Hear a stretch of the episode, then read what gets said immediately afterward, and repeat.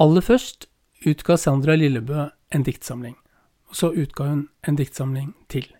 I en av de bøkene står det Jeg tror ikke du vet hvem jeg er. I fjor utga hun en roman med tittelen Tingenes tilstand.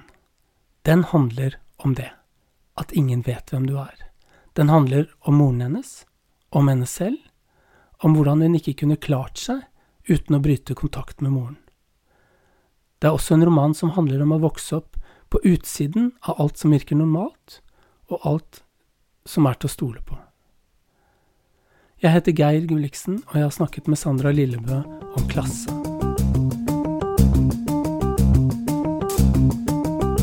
Du hører på akkurat dette akkurat nå.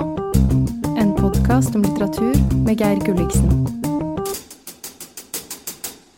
Hei, Sandra. Hei, Geir. Du, det er fint at vi kan snakke sammen. Vi skal snakke Egentlig skal vi snakke om, eh, om den romanen du har skrevet som heter 'Tingenes tilstand', Mm. men vi skal snakke om klasse. Og det er jo et tema som, eh, som eh, et, Ja, det er et tema som har med den romanen å gjøre. Jeg blir uvel av meg selv allerede når jeg sier tema, men det får du bare tilgi. Eh, Fordi hva er Den romanen din, Mm. 'Tingenes tilstand', Mm. jeg er litt usikker på hvordan vi egentlig snakker om den. Okay. Fordi eh, det, er, eh, det er en roman. Den handler om eh, en jeg-person, som vi ofte sier, som er forfatter, som skriver om moren sin. Eh, og så vet jeg fra mange kilder, bl.a. mange intervjuer du har gjort, at uh, det er en, en selvbiografisk roman. Det er eh, i hvert fall langt på vei, eller kanskje helt, helt ut. Yeah.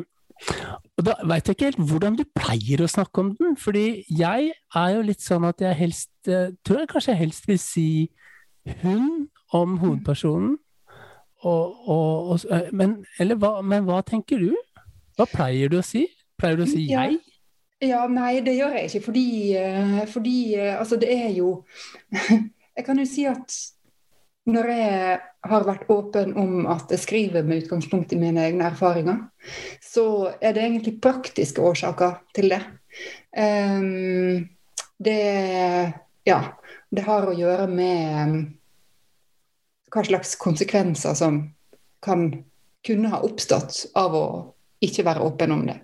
Så jeg har ønska å legge korta på bordet i den grad eh, det er mulig. Fordi det er jo, når man skriver selvbiografisk, eller med utgangspunkt i sine egne erfaringer, så vil det jo være andre som føler seg utlevert, og som vil føle at eh, en historie som de sjøl har et sterkt eierskapsforhold til, ikke At de mister på en måte kontrollen over den sjøl, da.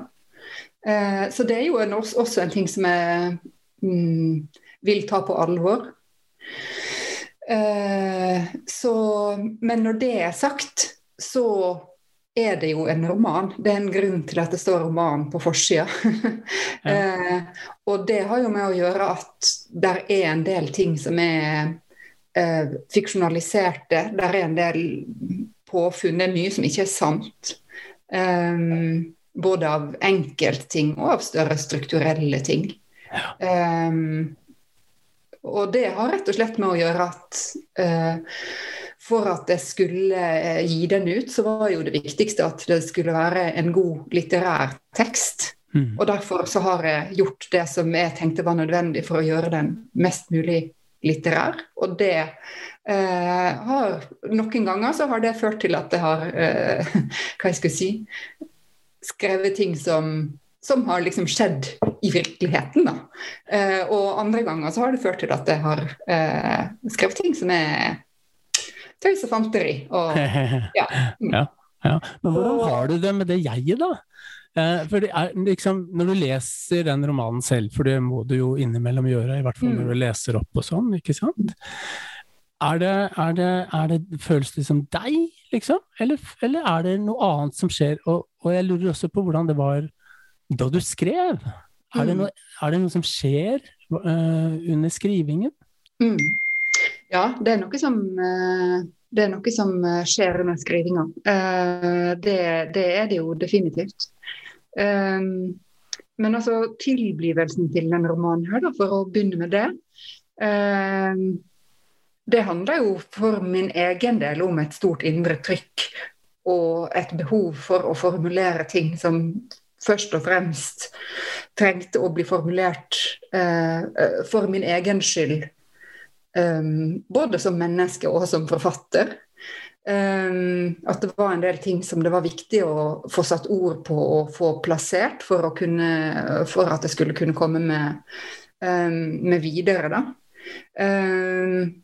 Så eh, Og sånn sett så kan du si at liksom selve skrivinga, i hvert fall, det store, liksom, det store skrivetrykket som oppsto i de få ukene som eh, At det var nærmest en sånn, nærmest en sånn terapeutisk ting. Jeg ville ikke gjøre det til et uh, litterært prosjekt. Uh, jeg, ville, jeg, ville, skrive ting Jeg ville prøve å være ærlig med meg sjøl. Være så mm. ærlig med meg sjøl som jeg følte at det måtte være for å komme meg videre på alle måter. Eh, og så var det jo først seinere at, at når jeg bestemte meg for at det skulle bli eh, et litterært prosjekt, at det skulle bli det likevel, eh, og at det skulle bli en bok, eh, så endra jeg jo blikk på det. Så du skrev en hel del på dette uten tanke på at uh, du skulle utgi det? ja. Eller? Ikke sant? Ja, ja. Når er det egentlig Jeg prøvde, jeg jobba i hvert fall veldig hardt med å holde det på avstand. Mm. Mm. Det at det skulle Fordi, fordi um, uh, Og det har jo en sterk sammenheng også med innholdet i boka å gjøre. Ikke sant? At uh, fordi jeg i romanen uh, har jo gått og båret på en hemmelighet Eh, som, eh, som, det har på en måte Som det har, har, vært om å gjøre på død og liv, nærmest, og, ikke, eh, ikke åpne opp om, da, for å beskytte mora si. Hva slags hemmelighet er det? Er, er det altså, nå, nå, nå, gir jeg deg oppgaven med å På en måte så gir jeg deg oppgaven med å forklare hva romanen handler om, og det ja. kan være litt dumt og litt ubehagelig, men jeg spør likevel, liksom. hva, hva slags hemmelighet er det? Det er øh, Altså Tingenes tilstand er en mor-datter-roman. Eh, og eh, den åpner jo eh, Den åpner jo egentlig med at eh, dattera eh, erkjenner at hun ikke kan ha kontakt med mora mer. Eh, og uten at hun egentlig vet det sjøl. slik at historien i romanen er vel egentlig jeg-persons opprulling av hvordan det har blitt slik. Hvorfor mm. har det blitt sånn at jeg ikke kan ha kontakt lenger? Mm. Um, og det viser seg jo ganske fort da, at det, det handler om at mora har en psykisk lidelse. Uh, som ikke er diagnostisert, men som dattera og flere andre tenker med paranoid schizofreni. Og, og hun innser at Ja, jeg i romanen innser at, at uh, mora nok har hatt den sykdommen gjennom hele hennes oppvekst. Ja. Um, mm. Det står på et tidspunkt uh, i romanen så står det at uh, hvis det ikke hadde vært for, for, internett, så hadde jeg fortsatt lurt på hva det var, eller ikke forstått hva det var. Men jeg bare tenker på det Er det hvor vanlig er det, tror du? Hvor vanlig er det at uh, mennesker går rundt med um, en såpass uh, hemmende, ødeleggende, vanskelig diagnose uten at uh, En ting er at man ikke vet det selv, det hører jo ofte til sykdommen, men, men at, uten, at, uten, at, det blir gitt noe diagnose? Mm. Uh, ja Jeg vet ikke, rett og slett. Det er veldig vanskelig å si. men Eh, jeg kan jo si at når jeg skrev denne romanen her og ga den ut, så trodde jeg vel egentlig min Hadde en slags naiv forestilling om at det her var, var den erfaringa som jeg hadde, og som jeg delvis har delt i romanen, var noe unikt. Eh, og så viser det seg jo det at det er det ikke. Nei. Det er eh, mange som har skrevet til meg og som har sagt at du har skrevet boka om mitt liv. Eh, jeg har møtt folk også som har uh, historier som er oppsiktsvekkende like mine egne. Ja. Um, så, og det handler jo veldig ofte om altså, at, at uh, Altså Barn av psykisk syke uh, kan nok ha en sterk forutdannelse om at det er et eller annet som ikke er helt sånn som det skal med mamma eller pappa. Uh, men barn er jo alltid avhengige av å, at noen voksne setter ord Eh, på ting for deg. Slik at hvis det ikke er noen voksne som gjør det, og kanskje særlig hvis de voksne samtidig signaliserer at det her bør vi helst ikke snakke om, så tror jeg nok også at, at barna vil på en måte søke omveier rundt, rundt det her, da. Ja. Så, og så er det jo ja, hva jeg skal si Det er jo, som du sier, så ligger det jo også veldig til sykdommen at man gjerne ikke har noen særlig eh, innsikt i det. Det er jo en sykdom som har veldig dårlige prognoser, bl.a. fordi den er så vanskelig å, å behandle. Ja. Men, men uh, har dette også litt med hvor man er plassert i samfunnet, tror du? Altså uh, ja, det, det er Jeg prøv, har prøvd å tenke, tenke, litt på det. Og, og, og, da jeg var veldig veldig ung, så, så, jobbet jeg på du vet, sånn, på psykiatrisk sykehus. Det kan man gjøre helt uten utdannelse og være ekstravakt. Og det har jo gitt noen minner for, som, som um, jeg, så tenker jeg sånn er, har, har, det med det å gjøre? Er det, er det, kan man tenke seg at det rett og slett er en klasseforskjell på, på liksom hvor om man går udiagnostisert rundt eller ikke? Ja, det vet jeg ikke om det, altså om det, det finnes noen sammenheng på om man går rundt udiagnostisert eller ikke. Men jeg tror det at eh, der klasse spiller inn, da eh, et, altså Psykisk sykdom eh, for det første er jo ikke ujevnt fordelt eh, i befolkninga. Eh, slik at, eh, at i eh, si, de lavere samfunnsklasser, da, eller klasser der folk har dårlig, dårlig økonomi, eh, så er det flere som har alvorlige psykiske lidelser. Det er også de som har minst kontakt med behandlingsapparatet. Det er jo bare sånn som I Oslo, i Oslo så finnes det Jeg lurer på om det på et tidspunkt, jeg vet ikke om det har kommet noen nå, men på et tidspunkt så, så fantes det nesten ingen privatpraktiserende psykologer på Oslo øst. Mm. Selv om man vet liksom at det er der folk er sykest. Mm. Så det er eh, Ja, det er sånne som, sånne som, du og jeg som jobber i kulturelle yrker og som har relativt trygge inntekter, som, som stort sett får, får psykologisk eh, hjelp når det er nødvendig. Så det er jo en, er jo en veldig viktig del av det. Eh, og så tror jeg en annen viktig del av det er vel, er vel det her med, med hva jeg skulle si, altså Hvordan man opplever en situasjon, hvordan man opplever en sykdomssituasjon, vil nok også være veldig avhengig av hva slags materielle rammevilkår man har. da. Eh, en alvorlig diagnose vil kanskje ikke virke like truende hvis man har, bor i et hus som er nedbetalt og som man eier sjøl.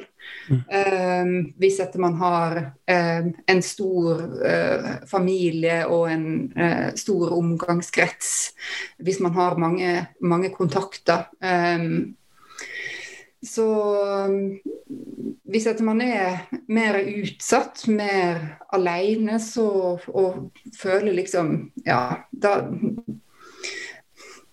Da føler man nok at det stigmaet som det tross alt er for alle, uansett samfunnsklasse, da, som det er å bli diagnostisert med en, en tung psykiatrisk diagnose, eh, vil nok eh, Ja. Det, det, er jo vanskelig, vanskelig å si liksom, altså, hvordan folk opplever det, men, men, men jeg tenker i hvert fall at det går an å tenke seg at, at, eh, at en sånn diagnose vil kunne være mye mer ødeleggende for, for noen som er utsatt også økonomisk og sosialt. Mm.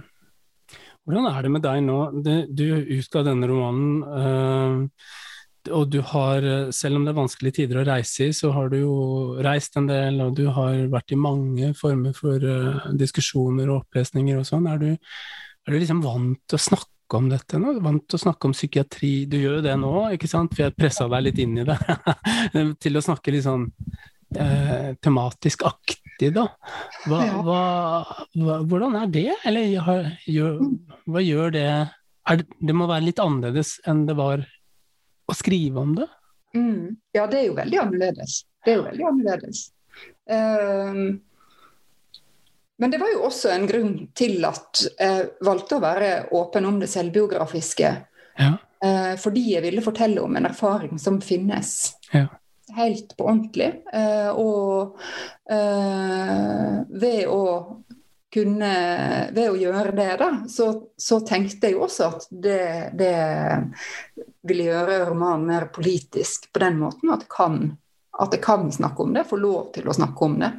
Uh, at jeg får lov til å ja, at jeg får lov til å snakke om uh, alle de barna som vi vet om, som jo lever hver dag med foreldre som er, som er syke, uh, og, som, og, som, ikke får hjelp. da.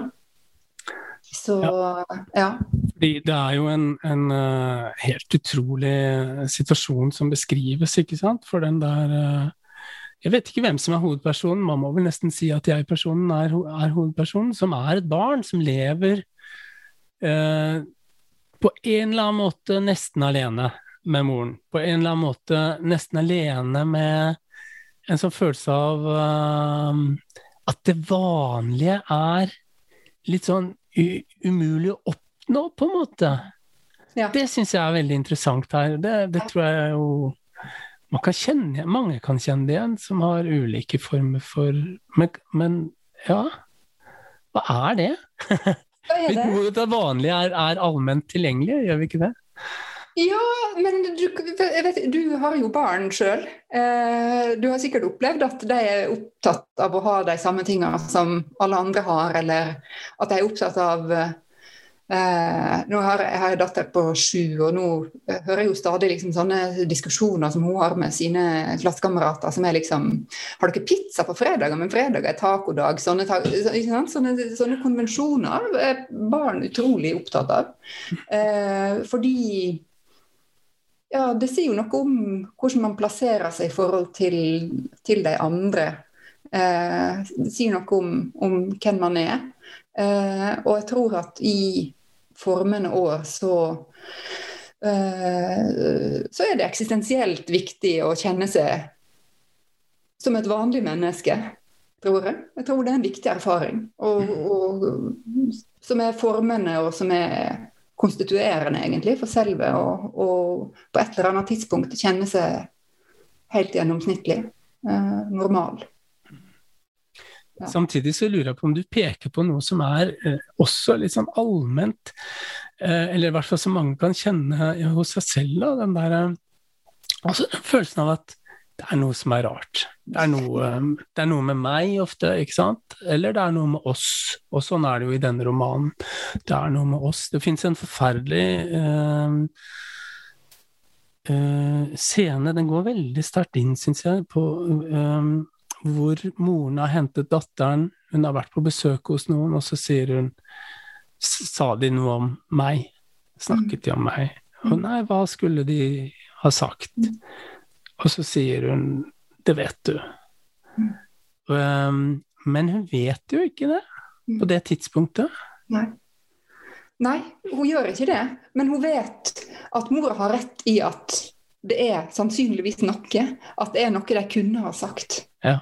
Eh, for det er jo Altså, barn er utrolig flinke til å plukke opp, eller flinke til. De gjør det. Jeg vet ikke om man, man kan liksom karakterisere det som flinkt, men, men, men, eh, men, barn plukker utrolig fort opp uh, små detaljer som, som, kan på en måte avsløre ja, hvem som er med, og hvem som ikke er med. Hvem som, er, hvem som regnes til fellesskapet, og hvem som ikke gjør det. ikke sant? Jeg synes Det er interessant å høre om når du leser om historier om mobbing, f.eks. Som, som er veldig vanskelig å avdekke for lærere og for pedagoger og, og andre voksne, fordi det er veldig små ting ikke sant, som kan Men som, som er veldig som er veldig bevisste, og som er på en måte rammene på en, på en måte som, som barn forstår og tar inn over seg. Eksempel, eh, sånne ting som, som at alle barna, at noen barn får, får låne de fineste fargeblyantene, så, mens ett barn får bare låne den som er litt ødelagt. Og, ikke sant? Mm. Eh, sånne ting som det der, som, der som voksne gjerne kan si men alle funker jo like fint, alle fargeblyantene virker, men barna vet at det er ikke sånn det er meint. Ja, det er ikke sånn det er tenkt. Ja. Ja. Som er slik at eh, det er noen eh, Slik at når et menneske, da, barn eller voksen, eh, ikke fungerer på som alle andre, og som ikke blir inkludert på samme måte som alle andre, så, så skjønner barn det veldig fort av seg sjøl. Selv. selv om de ikke nødvendigvis er i stand til å sette ord på det da, på den, på den måten. Du beskriver en jente som selvfølgelig da passer på moren sin, Mm. ikke sant? Uh, og det eh, står eksempel Jeg har bare lyst til å peke på det, fordi Selvfølgelig fordi det er så bra, men også fordi det går, går rett inn Ikke sant? Hun sier um, eh, Hun griper meg, hun stryker meg, hun later som hun trøster. Det er en lek, og siden hun er størst, er det hun som bestemmer. Det er du som er barnet, sier hun, og jeg gjør det barnet skal gjøre. Men jeg syns synd på henne som ikke forstår noen ting. Jeg vet at ingen må få vite hva vi leker. Og det de leker, er at den voksne trøster barnet, mens det i virkeligheten er omvendt. Er det sånn? Eh, Jeg er ikke sikkert det er omvendt, men eh, det er i hvert fall en veldig viktig leik å leke for å på en måte gi inntrykk av at alt er normalt og vanlig. Da. Eh, Så ved å spille barn, så spiller jo jeg, eller den jenta, at mora er mor. Eh, Hun kan ikke avsløre at hun er den voksne, for ja, Du kan ikke vise det, fordi da, da ville på en måte alle skjønt at, at hun ikke hadde noen mor. da. Mm. Og hva gjør det med henne? Men vet hun det selv? Vet hun det selv på det tidspunktet? Nei, ikke på den måten. Nei. Nei. Men vet det allikevel, kanskje? Ja. Ja. Ja. Ja. Men, eh, men jeg tror det, det, en- og det er en ting som jeg har sagt flere ganger tidligere når jeg har blitt intervjuet, at mm, utsatte barn vet ikke nødvendigvis at de er utsatte barn.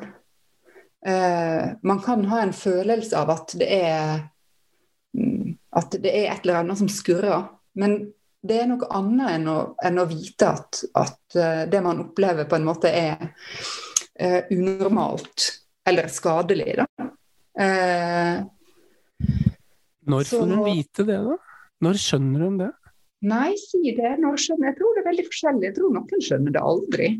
Eh, noen skjønner det Det kommer vel an på ulike situasjoner, ulike personligheter, tror jeg. Eh, Jeg tenker at denne, denne jenta forstår det vel kanskje i kraft av at hun må bryte med moren. Eh, om hun ikke har forstått det før, så forstår hun det i hvert fall da. At Eller? Ja, det er jo det. det jeg tror det er jo en, en eh, det er jo en beskrivelse i boka av eh, et øyeblikk da jeg eh, får eh, for første gang høre noen sette ord på tanken om at kanskje mor er psykotisk. Ja. Eh, og det er jo over 30 år har, har, det har aldri slått henne før. Eh, og selv om, selv om mora har på en måte presentert henne for ideer og forestillinger som er ganske far out. Ja, og selv om hun har argumentert med moren sin om at eh, det er, kan ikke være sånn at bilene som kjører forbi, sender signaler. Ikke sant? Ja. Ja. Men, men uh, hun har ikke tenkt på det som psykotisk? Nei. Nei? Eh, nei. Og det tror jeg har, har med å gjøre med at, at um, det, er jo, det er nok mye fortrengning som skal til, på en eller annen måte. Eh, og så øh, Men så tror jeg det òg har med å gjøre at, at øh, mødre, de er jo som oftest, da, det trenger jo ikke å være slik, men mødre er jo som oftest den første personen man kjenner. Uh, det er den personen man får språket sitt fra også. ikke sant? Man sier jo morsmål. Um, og den man får språket sitt fra, får man jo egentlig også forståelsen av verden, ikke sant? Ja. Og hun lever jo liksom på innsiden av ja. den vrangforestillingen, for å si det mildt. Det gjør hun. Ja. ja. Det gjør hun lenge. Ja, det gjør hun. Ja. Og på en måte så kan man tenke seg at skrivingen er en måte å gjøre seg fri på, ikke sant? Um, I denne boken, i denne romanen, er det helt spesielt, faktisk. Jeg har aldri lest en roman som i så stor grad liksom insisterer på at denne romanen må skrives, ellers mm. dør jeg. Mm. Uh, det står et sted står det så mye på spill i alle tekster. Jeg kan ikke tro det. Jeg kan ikke tro det. Uh, det, det, vi snakker jo ofte om litteratur, så snakker vi om at det må finnes en nødvendighet. Det er sånn Det er lett å si. og det, ja, og det er um, mens, Men i denne romanen, den handler jo også om det. Den handler om at den må skrives. Hvordan har du hvordan har du hatt med det? Har noe endret seg underveis for deg mens du skrev? Ja, det, det, var et av de store spørsmålene egentlig som jeg lurte veldig på underveis. Eh, for det er jo en klisjé ikke sant? å skrive en roman om å skrive en roman. Eller altså, hvor mange bøker finnes det ikke om det? ikke sant? Jeg syns det er et uh, forferdelig tema, egentlig. Vi ikke hadde lyst til å nærme seg med i det hele tatt. Jeg hadde ikke lyst til å Jeg tenkte jo egentlig at dette her kan jeg ikke si noe om som ikke allerede er sagt. Um, så, så det syns jeg ikke Jeg vet ikke. Den eneste grunnen til at, til at, det ble med til slutt, var vel egentlig det at at, at det kunne at det, Hva skal jeg si? At, det var jo at det ble på en måte en så stor del av stoffet fra, helt fra begynnelsen av. Um, det om det kunne skrives? Ja, det var det. det, er, det og at det måtte skrives? Ja, at det måtte skrives. Ja. Um, så, så det, var, det, var, på en måte integrert i stoffet helt fra begynnelsen av. Og at det var Når jeg så på det til slutt, så, så tenkte jeg at ja, ja, med god hjelp fra redaktøren min, da, selvfølgelig. Men at, uh, at om jeg hadde tatt det ut, så så hadde det blitt en helt annen bok. Um, og så har det jo også å gjøre med at, at Eh, jeg har, jeg har jo eller har jo gitt ut to diktsamlinger tidligere, og så har jeg jobba som kritiker og journalist. Eh, og det har på en måte vært to litt sånn ulike tilnærminger til verden. Og jeg har strevd veldig med, med det der, egentlig, å finne ut, finne ut hvordan, altså, Er det noen sammenheng? Jeg har liksom følt at at det har vært veldig stor avstand mellom den liksom, journalistverden som jeg har levd i, og, og den forfatterverden. Da. Og at det Ja, for å bruke et folkelig uttrykk, da, så at jeg har følt det litt sånn schizofrent. Men har det, har det, endret seg nå, da? Eller er det, er det annerledes ja, det for deg nå? Ja, det har det. fordi at, eh, det, ja, det har endra seg på en fundamental måte. At jeg begynte liksom å forstå uh, Jeg begynte å forstå litt mer om ja, hvordan uh, Mine tanker om skriving, og hvordan mine tanker om kunst, og hvordan mine tanker om det ene og det andre har, har blitt forma av mine erfaringer. Da. Mm. Uh, og at Eh, for det er jo en, en eh, Det estetiske spørsmålet er jo veldig til stede eh, i boka som utsagn.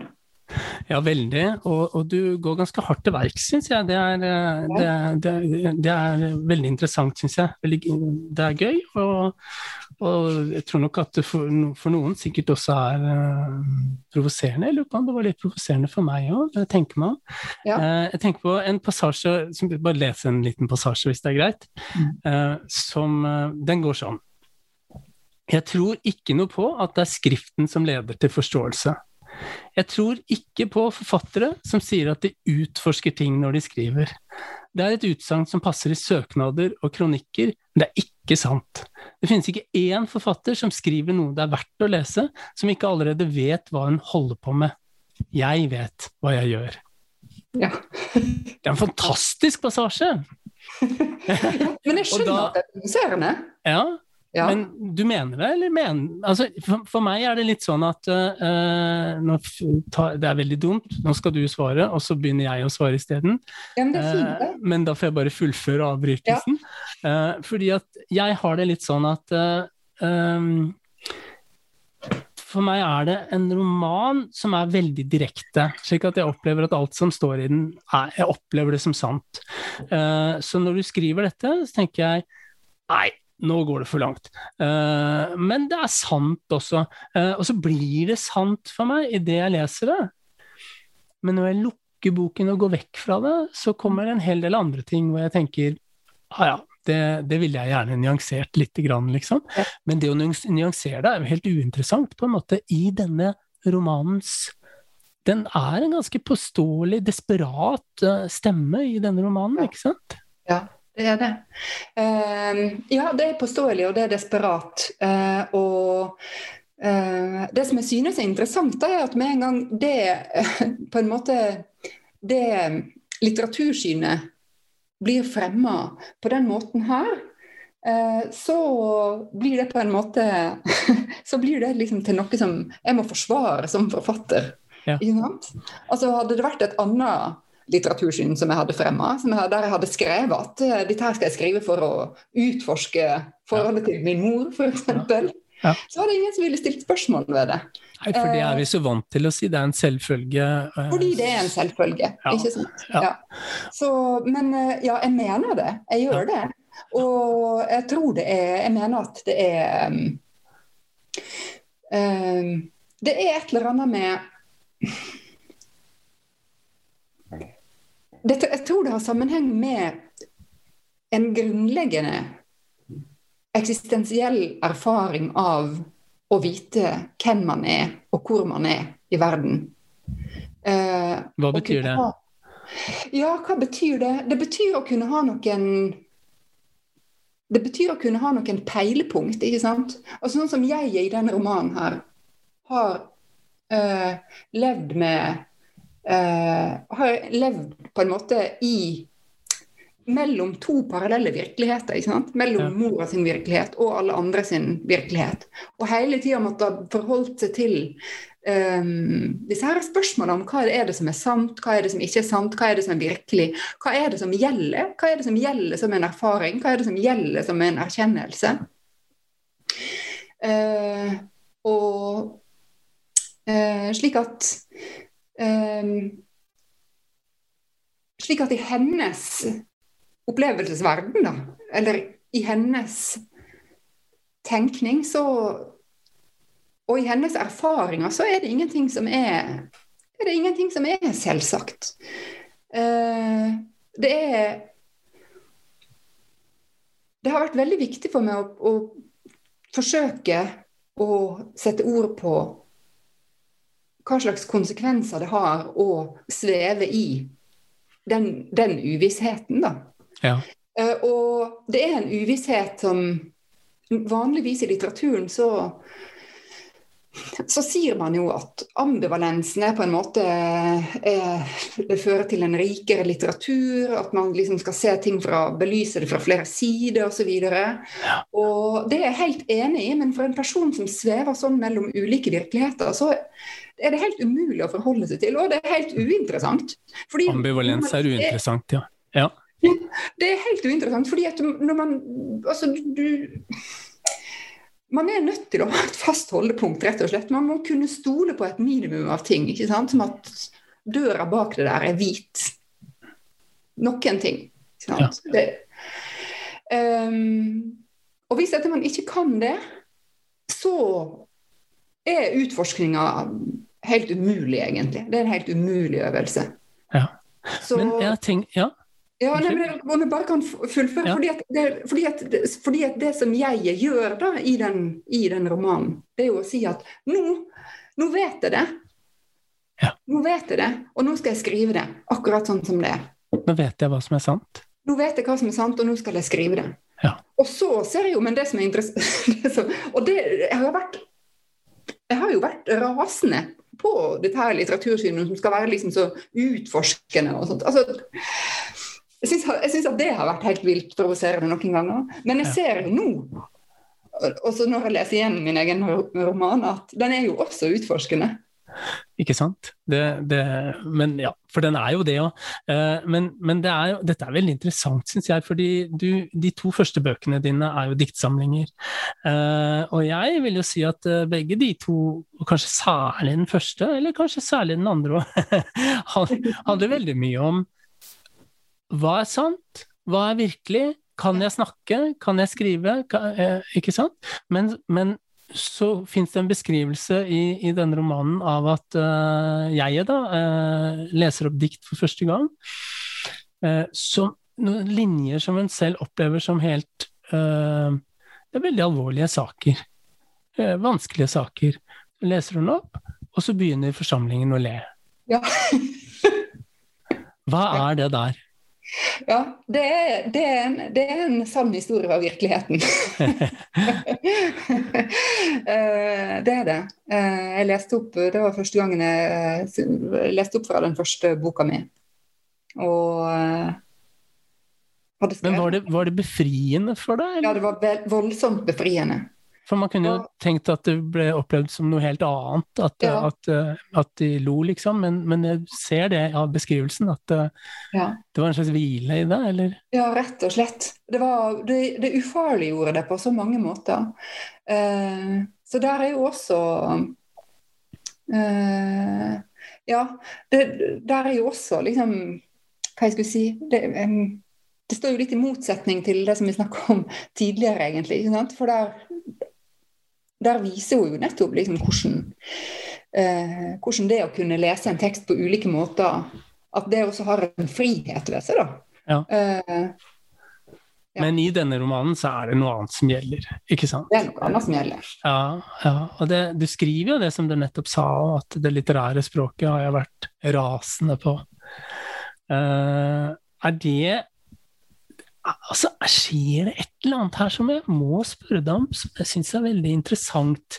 Fordi du har jo, du har jo eh, ikke sant, Når du lanserte romanen, men også i romanen problematisert, selvfølgelig, da. Hva kan jeg skrive? Det har vi snakka om allerede, men, men, det, men, men, det, mm, er jo en så rik del av, av teksten. Og så kommer det et sted så kommer det noe om hva som skal til Eh, fordi du sier at eh, det er ikke sant at det er vanskelig å velge kunsten. Det som er vanskelig, er å få muligheten til å gjøre det.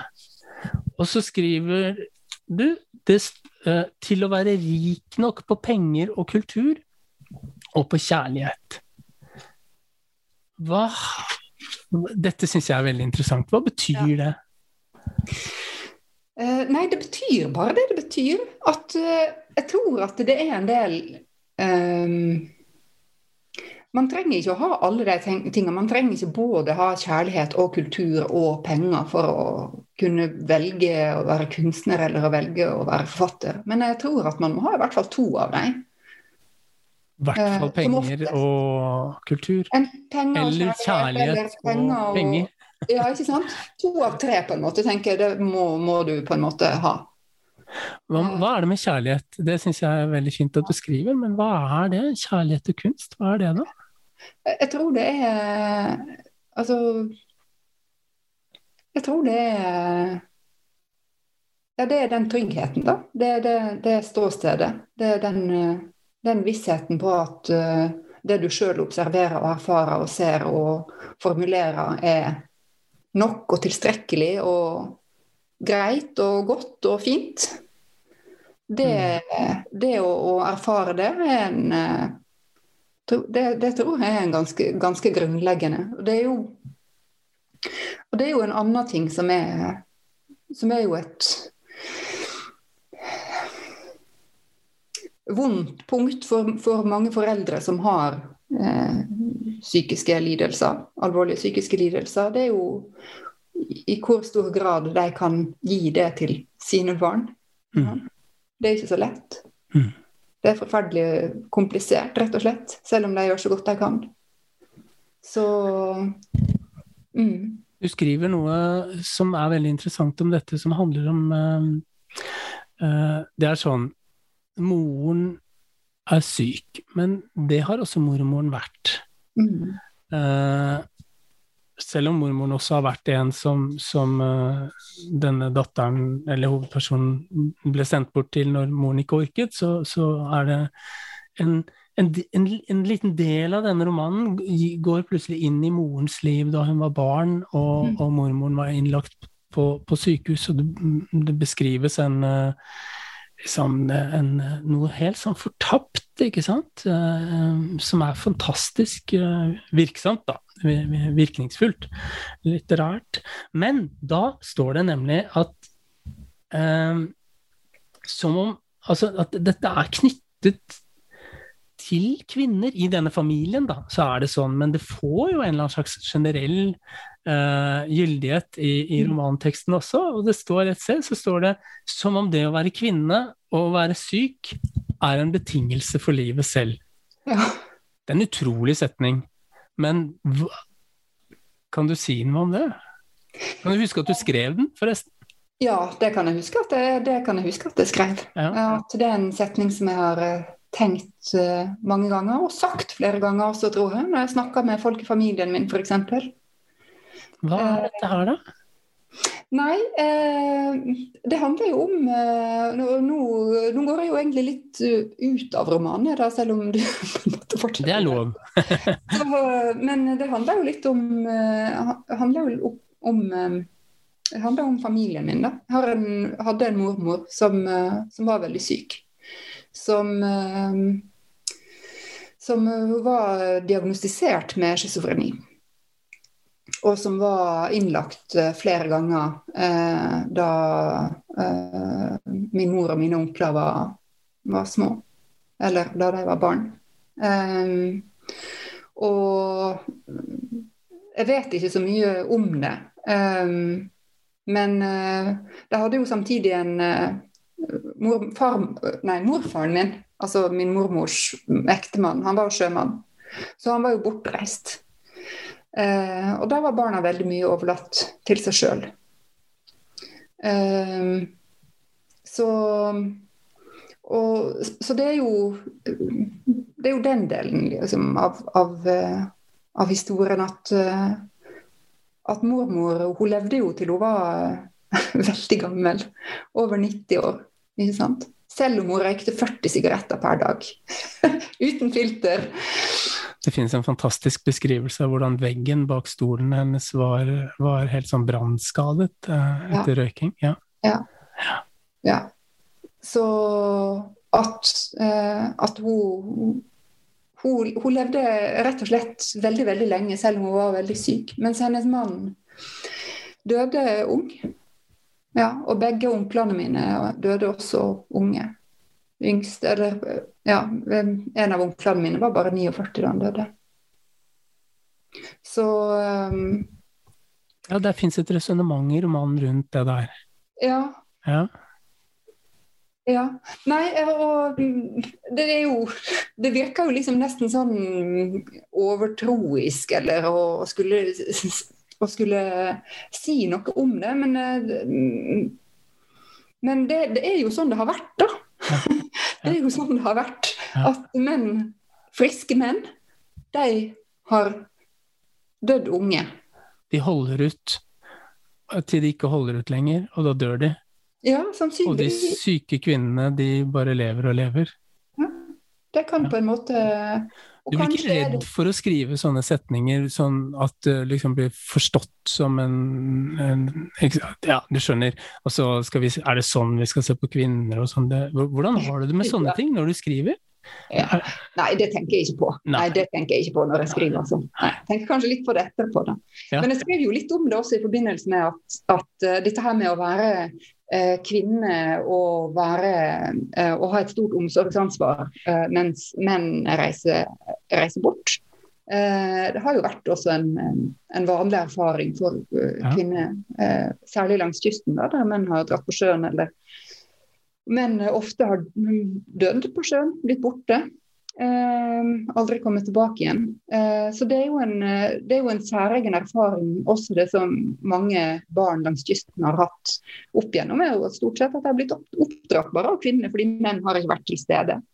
Eh, så, og for de kvinnene da som har blitt værende igjen, så har det jo, har jo handla om har det jo handlet liksom om at de må jo overleve da, i den, den tøffe hverdagen som, som var uh, for noen tiår tilbake.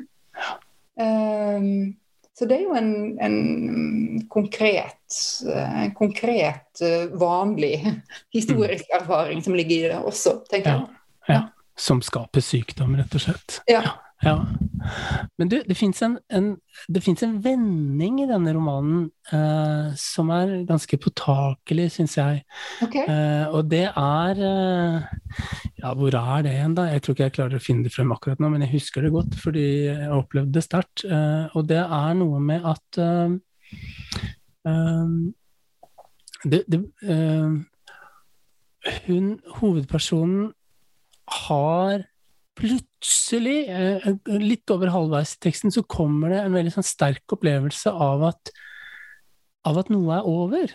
Eh, og det tror jeg er knyttet til en ganske voldsom glede over livet på nåtidsplan. Altså, hun har barn, hun har mann, hun bor et sted.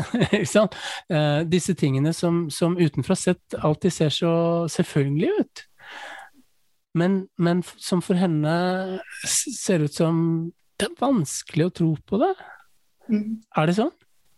Ja, det tror jeg du har rett i. Eh, Det er jo en øh, Og det øh, Det er jo også en erfaring som jeg har gjort meg sjøl, og som har vært ekstremt viktig. Å finne et, finne et stabilt tilholdssted i livet. At det har gjort det så mye lettere å tenke. Eh, at jeg slipper å, å slippe å bekymre seg for, for ja, hvor man hører til, eller om man hører til noe sted, eller om man hører til noen andre mennesker, eller men på en måte Å kunne begynne å ta noen ting for gitt, da. Mm. Og ikke liksom kjempe for virkeligheten hver dag. Det, det, um, det tror jeg rett og slett er avgjørende for, for å kunne tenke og for å kunne skrive. Ja. Ja. Det er jo også et veldig rørende øyeblikk, for, rett og slett fordi man ser liksom Man kjenner den der ja, lettelsen over det vanlige livet, da. I i de øyeblikkene hvor det føles vanlig, ikke sant? Ja, ja. Eh, og dette knytter seg også til noe veldig tidlig i romanen hvor, hvor det står uh, 'Jeg flyttet elleve ganger på like mange år'. Det skaper for problemer for fortellingen, står det. ikke sant? Og det, hva er det? Det, det gjør jo det, fordi at du, du, eh, det er jo, altså Sånn er det jo. ikke sant? Hvis at du, eh, Nå har en sønn som går på videregående, som kommer hjem igjen som har hatt norsk og matte og geografi og engelsk og sånt i løpet av en dag. Og så Når jeg kommer og spør han liksom, hva har du gjort i dag, så, eller hva har du lært i dag, har du ikke holdt på med i dag, så, så kan det jo hende at han strever ikke sant, med å holde fra hverandre. Når var det denne, her, denne her morsomme tingen skjedde? Var det i norsktimen eller var det i geografitimen? Ikke sant? Altså, hvordan hang egentlig den dagen her sammen? Det har skjedd- vært så mange ting at det blir liksom vanskelig å holde fra hverandre. da. Um, og sånn tror jeg jo at minnet opererer for alle. Uh, det er jo bare det at, altså at ja, du tror at du husker at noe skjedde på et bestemt sted. Du tro, altså for eksempel, du trodde at det var hos mormor, men så var det egentlig hos farmor. ikke sant? Du trodde at du var sammen med kusina di, men så var du egentlig sammen med fetteren din. Um, så men når Hva jeg skulle si Når eh, kulissene eller eh, ja, bakgrunnslydene hele tida forandrer seg i livet til et barn, så, så blir det jo vanskelig å, å, skape seg en fortelling om hvor er det man har vært, og ja. Eh, nå er det jo ikke helt liksom sant, akkurat det der. Men jeg har jo bodd en del plasser. og en gang jeg var på bilferie sammen med bare jeg og min sønn, så, så begynte jeg jo på et eller annet Vi kjørte liksom rundt i Sør-Norge.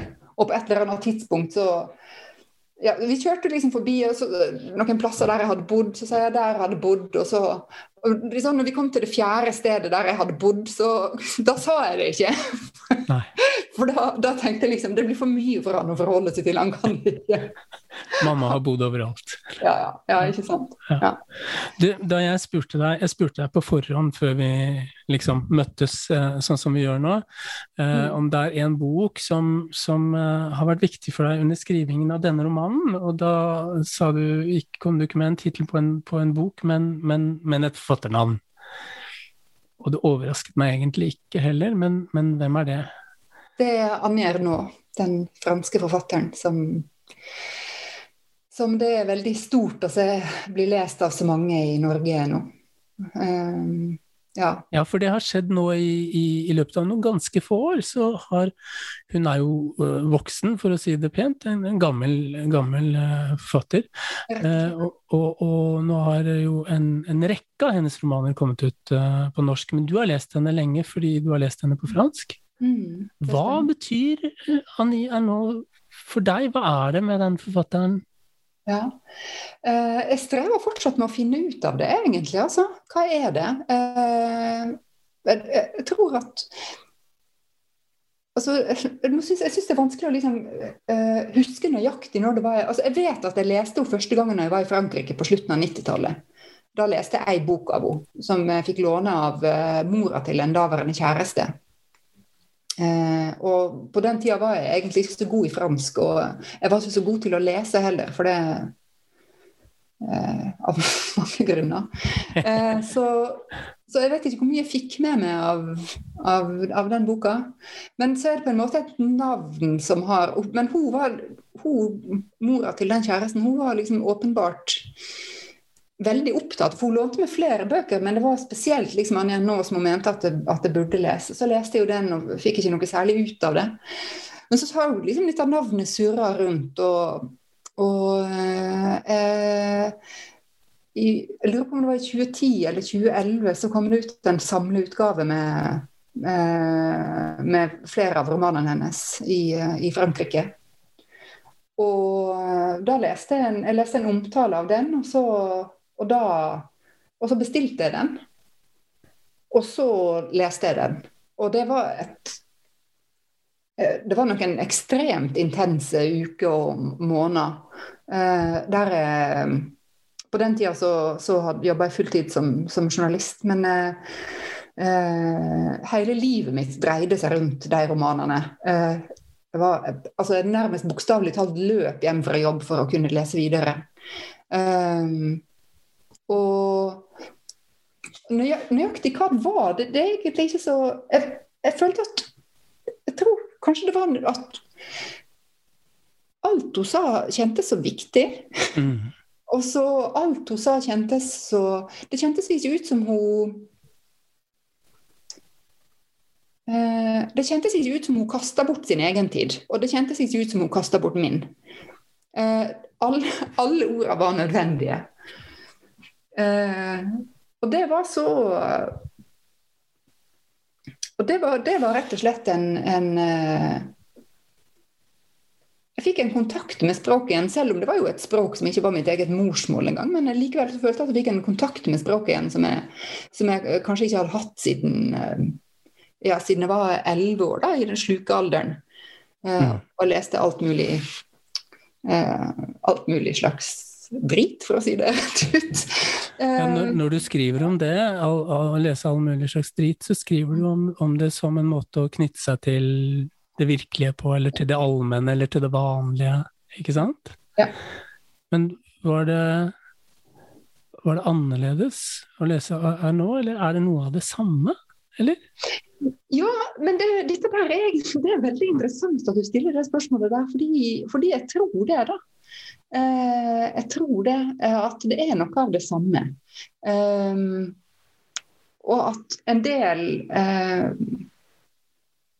hva jeg skal si, populærkultur eller løkkeskriftbøker, eller hva man kan kalle det, så mange forskjellige ting. Um, at uh, Grunnen til at det er mange som leser det, er jo rett og slett at de handler om viktige ting i folk mm. sine liv. Mm. Som er kjærlighet, f.eks. Man vil gjerne lese om det fordi, fordi uh, man ønsker seg det, eller man driver med det til daglig, eller uh, man ja, man driver med det til daglig, ja. ja det jo, hvis man er heldig, så gjør man jo det. Ja, ikke sant? Men, men på den ene eller på den andre måten. Mm. Man driver med det til daglig fordi man ikke har nok av det. Eller, ja, eller ikke sant? Ja. Uh, ja.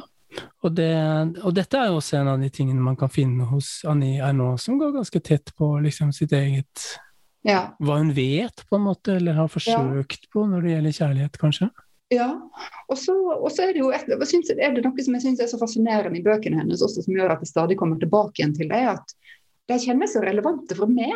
Mm. Selv om hun beskriver ja, f.eks. en eh, oppvekst i Frankrike på 40-tallet og 50-tallet, en ungdomstid på 60-tallet, eller hvordan det er å være gift og bo i Alpene på 70-tallet, eller en hel masse ting som jeg ikke kan forholde meg til i det hele tatt, egentlig, annet enn på et sånt teoretisk plan. Men likevel så kjennes det jo som å lese om seg sjøl. Mm. Uh, og uh, hvordan hun gjør det, det vet jeg ikke helt. Men, uh, men ja. Men det gjør i hvert fall at det hele tida synes at hun, er, at hun er verdt å lese og, og um, Ja. Så, så det, det er liksom den måten å den måten å føre språket på, den. Uh, og den måten å forholde seg til det litterære på, som hun gjør. Um, hun skriver jo også om å komme inn i Nå avbryter jeg deg, men hun skriver jo også om å komme inn i Altså om å komme fra en ikke-litterær bakgrunn. og ja. Om å komme inn i litteraturen ved egen hjelp, på en måte. Det skriver jo du også om. Mm, ja. Ja, ja, og hun skriver jo også om å lese alt mulig drit når, hun, når, hun, er ung nå, ikke sant. Uh, så det, Jeg husker at jeg var, var med uh, Jeg var med en gang på, som kritiker, da, så var jeg med på et arrangement om kritikk. Uh, og, det var liksom, og i en samtale om eh, boka Murakami, tror jeg det var, som ikke var spesielt god, men så, så trakk jeg liksom Det, det eneste jeg kom på å sammenligne med, det var en sånn var en sånn jentebok som jeg hadde lest, som jeg fikk i Tuppen og Lillemorklubben da jeg var 12 år eller 13 år. Eh, og så jeg sa det da når jeg satt der på scenen sammen med disse her eh, litteraturprofessorene. Og, eh, og jeg ble så flau like etterpå for, det, for, at jeg hadde gjort det. Og jeg følte at, jeg hadde, ja, at de ville sannsynligvis ha brukt en helt annen referanse, ikke sant. Så ja. Ja, Men du skriver også om dette, liksom hva det er lov til. Mm. Hva det er lov til å skrive. Mm. Uh, vi skal snart slutte, altså, men, men, og du skal lese og alt. Men jeg skal bare jeg må, jeg må, dit nå, Sandra. Et kort øyeblikk. For du skriver om dette som du snakker om nå. Mm. Uh, du skriver et sted 'Jeg kan ikke si dette sterkt nok'. Ytringsrommet er ikke bare noe man tar, det er også noe man blir gitt. Man må alltid til en viss grad føle seg frem for å forstå hva som går an å si. Ja. Hva er det? Ja, eh, det er eh, det er jo, altså Jeg i romanen her, eh, altså Mora til jeg i den romanen her har jo skrevet en bok eh, om sin egen historie, som hun, hun har, ut. Ja, hun har utgitt på eget forlag. Som hun har utgitt på eget forlag. Um, så det betyr jo at hele den henvendelsen som hun på en måte gjør, da, den åpninga som hun i sin sykdom har ut mot verden, eh, ikke blir tatt imot. Eh, og som bl.a. handler om at hun ikke mestrer at hun ikke mestrer de ja, estetiske og kulturelle kodene som, som kreves. da. Eh, og det Hun står utenfor Rema 1000 og selger, uh, selger boken sin, står det Ja. et sted. Ja. Ja. Det kan man jo se sterkt for seg. Ja, Ja. og det Jeg har jo jobba i en eh, kulturredaksjon, og um, jeg vet jo at inntil inn kulturredaksjonene så kommer det ganske mange henvendelser eh, av personer som har eh, gitt ut bøker av den typen, og som gjerne vil ha omtale av dem. Eh, og det er jo veldig ofte gode grunner til at de ikke får omtale, er jo fordi de er kunstnerisk uinteressante, eh, fordi de er ufullendte. Eh, og det er noe veldig brutalt i det der, i at eh, Og det tror jeg har blitt litt misforstått i mottagelsen av boka mi, er jo at noen har på en måte latt seg provosere av at ja, men mener du at det ikke skal være noen At man ikke skal kunne føre noen estetisk dom over et verk, eller Jo, jeg mener det. Men jeg syns det er viktig å ha med at det har en del konsekvenser, da. Eh, Det betyr at det er en del eh, Det har en del personlige konsekvenser for en del. Men det har en del altså for, for de som ikke får fortalt historiene sine, som ikke får tilgang til offentligheten. Men det har også en del konsekvenser for den litterære offentligheten sjøl, fordi en erfaring av lidelse som er formulert, og en erfaring av en lidelse som ikke er formulert, er to ganske forskjellige ting. Um, så, så, vi går jo også glipp av noe. Det er jo noe vi ikke får tak i. ikke sant? Det er noe vi mister, noe vi ikke får grep om. Noe, eh, noe vi ikke mestrer, vi som driver med kunst og litteratur. da. Hvordan har du tenkt på dette, eller opplevd det selv når, i din egenskriving? Det der med å føle deg fram for å finne ut hva du liksom kan få lov til å si, eller? Uh, ja, til dels er det jo egentlig det man gjør eh, når man skriver. Eh, men også handler det jo Men det handler jo eh, Ja, ja det, det, gjør det. Eh, og egentlig eh, kanskje særlig i begynnelsen av forfatterskap så så handler det nok ofte om det, og når kritikere eh, Og her er jeg opptatt med sjøl, siden jeg også er kritiker. Eh, sier om et verk f.eks. at det virker maniert, eller noe sånt, så tenker jeg at da kan det kanskje handle om den slags ting. da. Mm. Eh, at forfatteren er redd for ikke å bli sett, og prøver å tilpasse seg en, eh, en viss idé om kunst som vedkommende vet er, er på en måte akseptabel. da. Eh, så det er en eh, Det ser man jo stadig at, at folk forsøker å, å, gjøre, og det har jeg nok gjort sjøl også. Og jeg syns det er veldig pinlig å se sjøl liksom, når, jeg leser- mine egne ting som ja, av alle slags tekster, egentlig. Både, både brev og altså, sånne avisartikler, og, og også i bøkene. Når jeg ser liksom at ja, Når jeg har prøvd å dekke over noe som egentlig ikke helt visste hvordan jeg skulle løse, og så tenker jeg at jeg kommer meg unna med det her, og så gjør jeg jo ikke det. Men på den andre siden, da, med denne boken, har du hatt en, liksom en følelse av at det var Kan jeg skrive det? Altså, jeg vet at du har selve boken diskuterer jo hele tiden kan jeg skrive det i forhold til hvordan folk jeg kjenner vil oppleve det, men nå tenker jeg mer sånn kan, kan det løftes opp, liksom? Kan jeg få det til, eller er det Hvordan var det? Ehm, altså Helt ærlig så har jeg egentlig følt meg ganske trygg på den boka her. Ja. Jeg har det, altså. Uh, fra da jeg bestemte meg for at, uh, at den skulle ut, så har jeg ja, følt meg trygg på at uh, at jeg syns at, at jeg syns den var god nok til å gis ut. Egentlig. Så Og det høres jo liksom sånn veldig eplekjekt ut å si, da, ikke sant? Det jo Nei, det syns jeg ikke. Det syns jeg gir fullstendig mening at du sier. Ja, men jeg, jeg vet jo samtidig at det er ikke alltid sånn, og, og um, Det er ikke Så- alltid man kan vite det selv, kanskje. Nei, Men noen ganger. Ja, ikke sant. Og så tenker jeg jo at det er jo også noe av det arbeidet som ja, eh, forlagsredaktører gjør, og det er noe som arbeidet som kritikere gjør, og det er noe av det arbeidet også som forfatterkollegaer gjør, er jo å, å, å, liksom, å kunne eh, å kunne ta imot andre sine tekster. Da. Og kunne ta imot andre som personer også. Og, og, eh, og det i et sånt eh, Ja, siden vi skal snakke om klasse, så tenker jeg at det er jo Tror jeg jo er ekstremt avgjørende. Kanskje særlig hvis man kommer fra eh, Ja, hvis man kommer fra oppvekster eller miljø der man ikke har den samme eh, samme litterære eller kulturelle ballasten. At, eh, at, det kan være ekstremt viktig å, å, føle, seg, å føle seg velkommen, eh, å føle seg sett og bli tatt på alvor eh, og bli lest. Det, ja, så der tenker jeg jo at vi har jo alle et, alle et ansvar.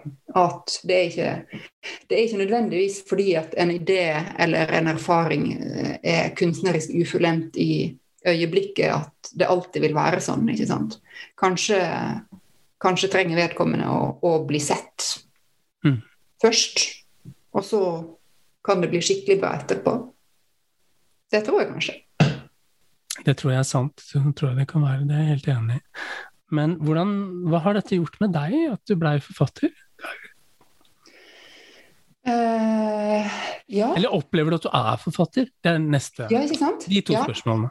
Mm, ja. Du er jo eh, det, men opplever du det?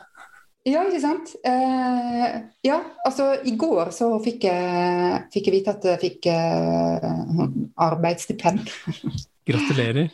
Ja, Det er jo et, et stort øyeblikk. Det er. Det er et stort øyeblikk, og det er et stort øyeblikk, og, og det er jo en anerkjennelse på den måten at, eh, at noen andre tror at jeg kan holde på med det her. da. Eh, og det å bli forfatter, eller å leve av å skrive, altså den Altså Jeg vet ikke, den tanken har, har liksom Den har ganske nylig begynt å slå rot, altså. At det er noe jeg kan holde på med.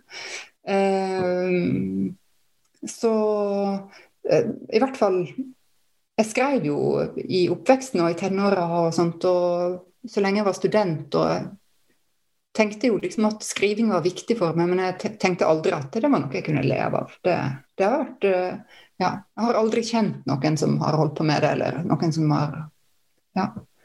Aldri Ja, så, så um, Ja. Så det er ganske nytt.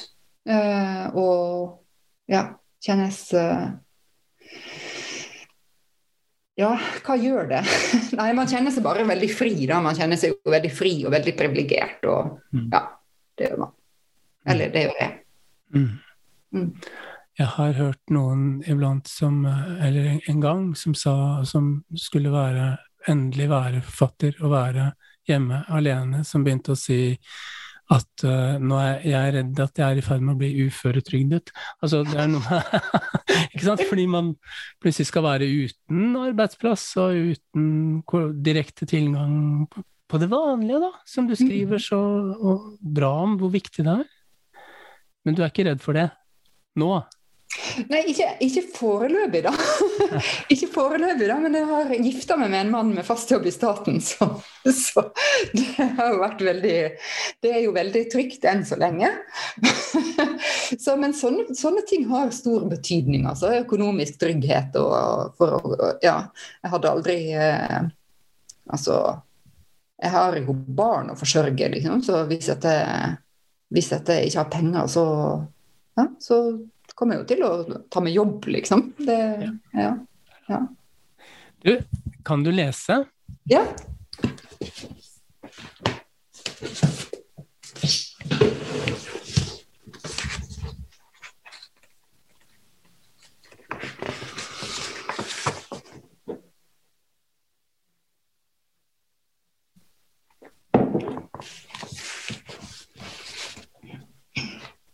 Jeg skal lese fra ganske tidlig i romanen.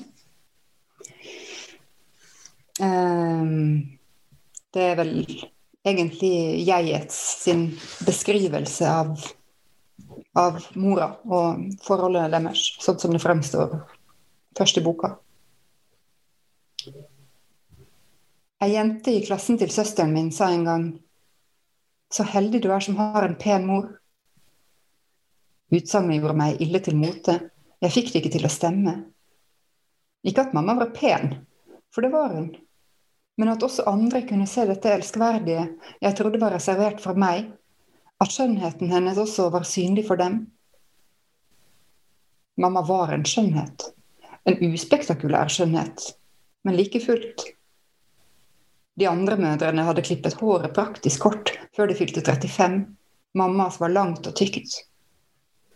De andre mødrene gikk med fleecejakker og ufikse dongeribukser. Mamma hadde skjørt og småsko og en blå genser i bomullstrikk som framhevet brystene og midjen.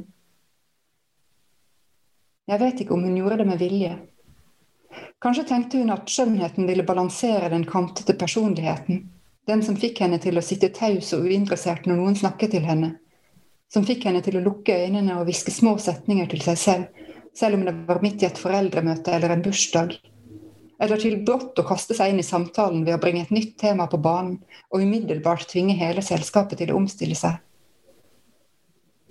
Kanskje var det slik hun så det, at latteren hennes, som alltid kom et øyeblikk for tidlig eller en tanke for sent, de lange og pinlige pausene, det ublu temperamentet som uten forvarsel kunne få henne til å bryte ut i rasende og anklagende tirader, at alt dette ble mindre påfallende fordi hun hadde et så tiltalende utseende.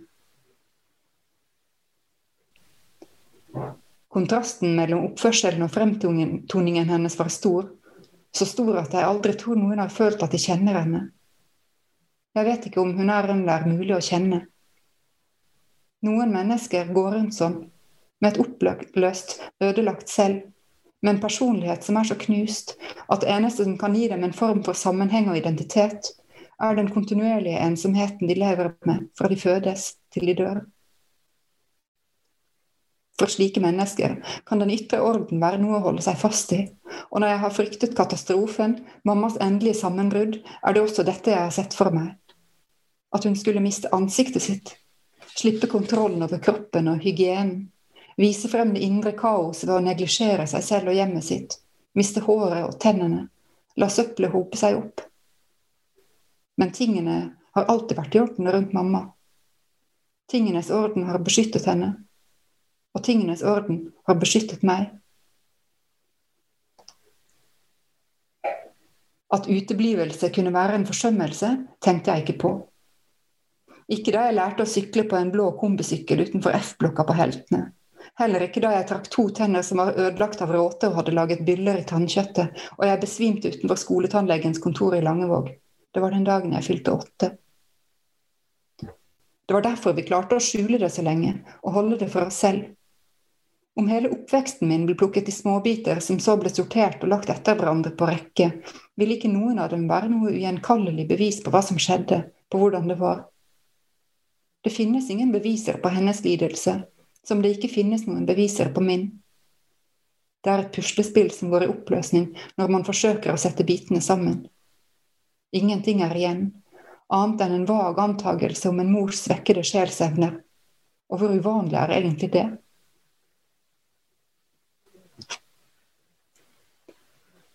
Det er mammas stemme som vekker meg. Jeg hører den gjennom den lukkede døra fra kjellerstuen utenfor rommet mitt. Snakker hun med noen? Jeg står opp fra sengen min og går mot døra. Vegg-til-vegg-teppet er av ull og kiler meg under føttene og lukter av gummi og lim. Jeg trekker i dørhåndtaket. Mamma, sier jeg. Hun har trukket for gardinene og senket persiennene, sitter i nattkjolen foran TV-en. Den står på, men det er ingen sending på denne tiden, bare det blå bildet med klokke på som opplyser om programmene som starter om noen timer. Hun har lukkede øyne og tre fingre presset mot hvert øre. mm, sier hun. mm. Så merker hun at jeg står der. Hun åpner øynene og ler.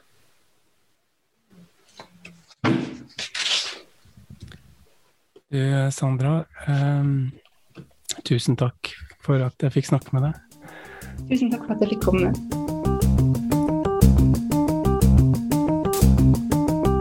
Akkurat dette akkurat nå er en podkast produsert av forlaget Oktober.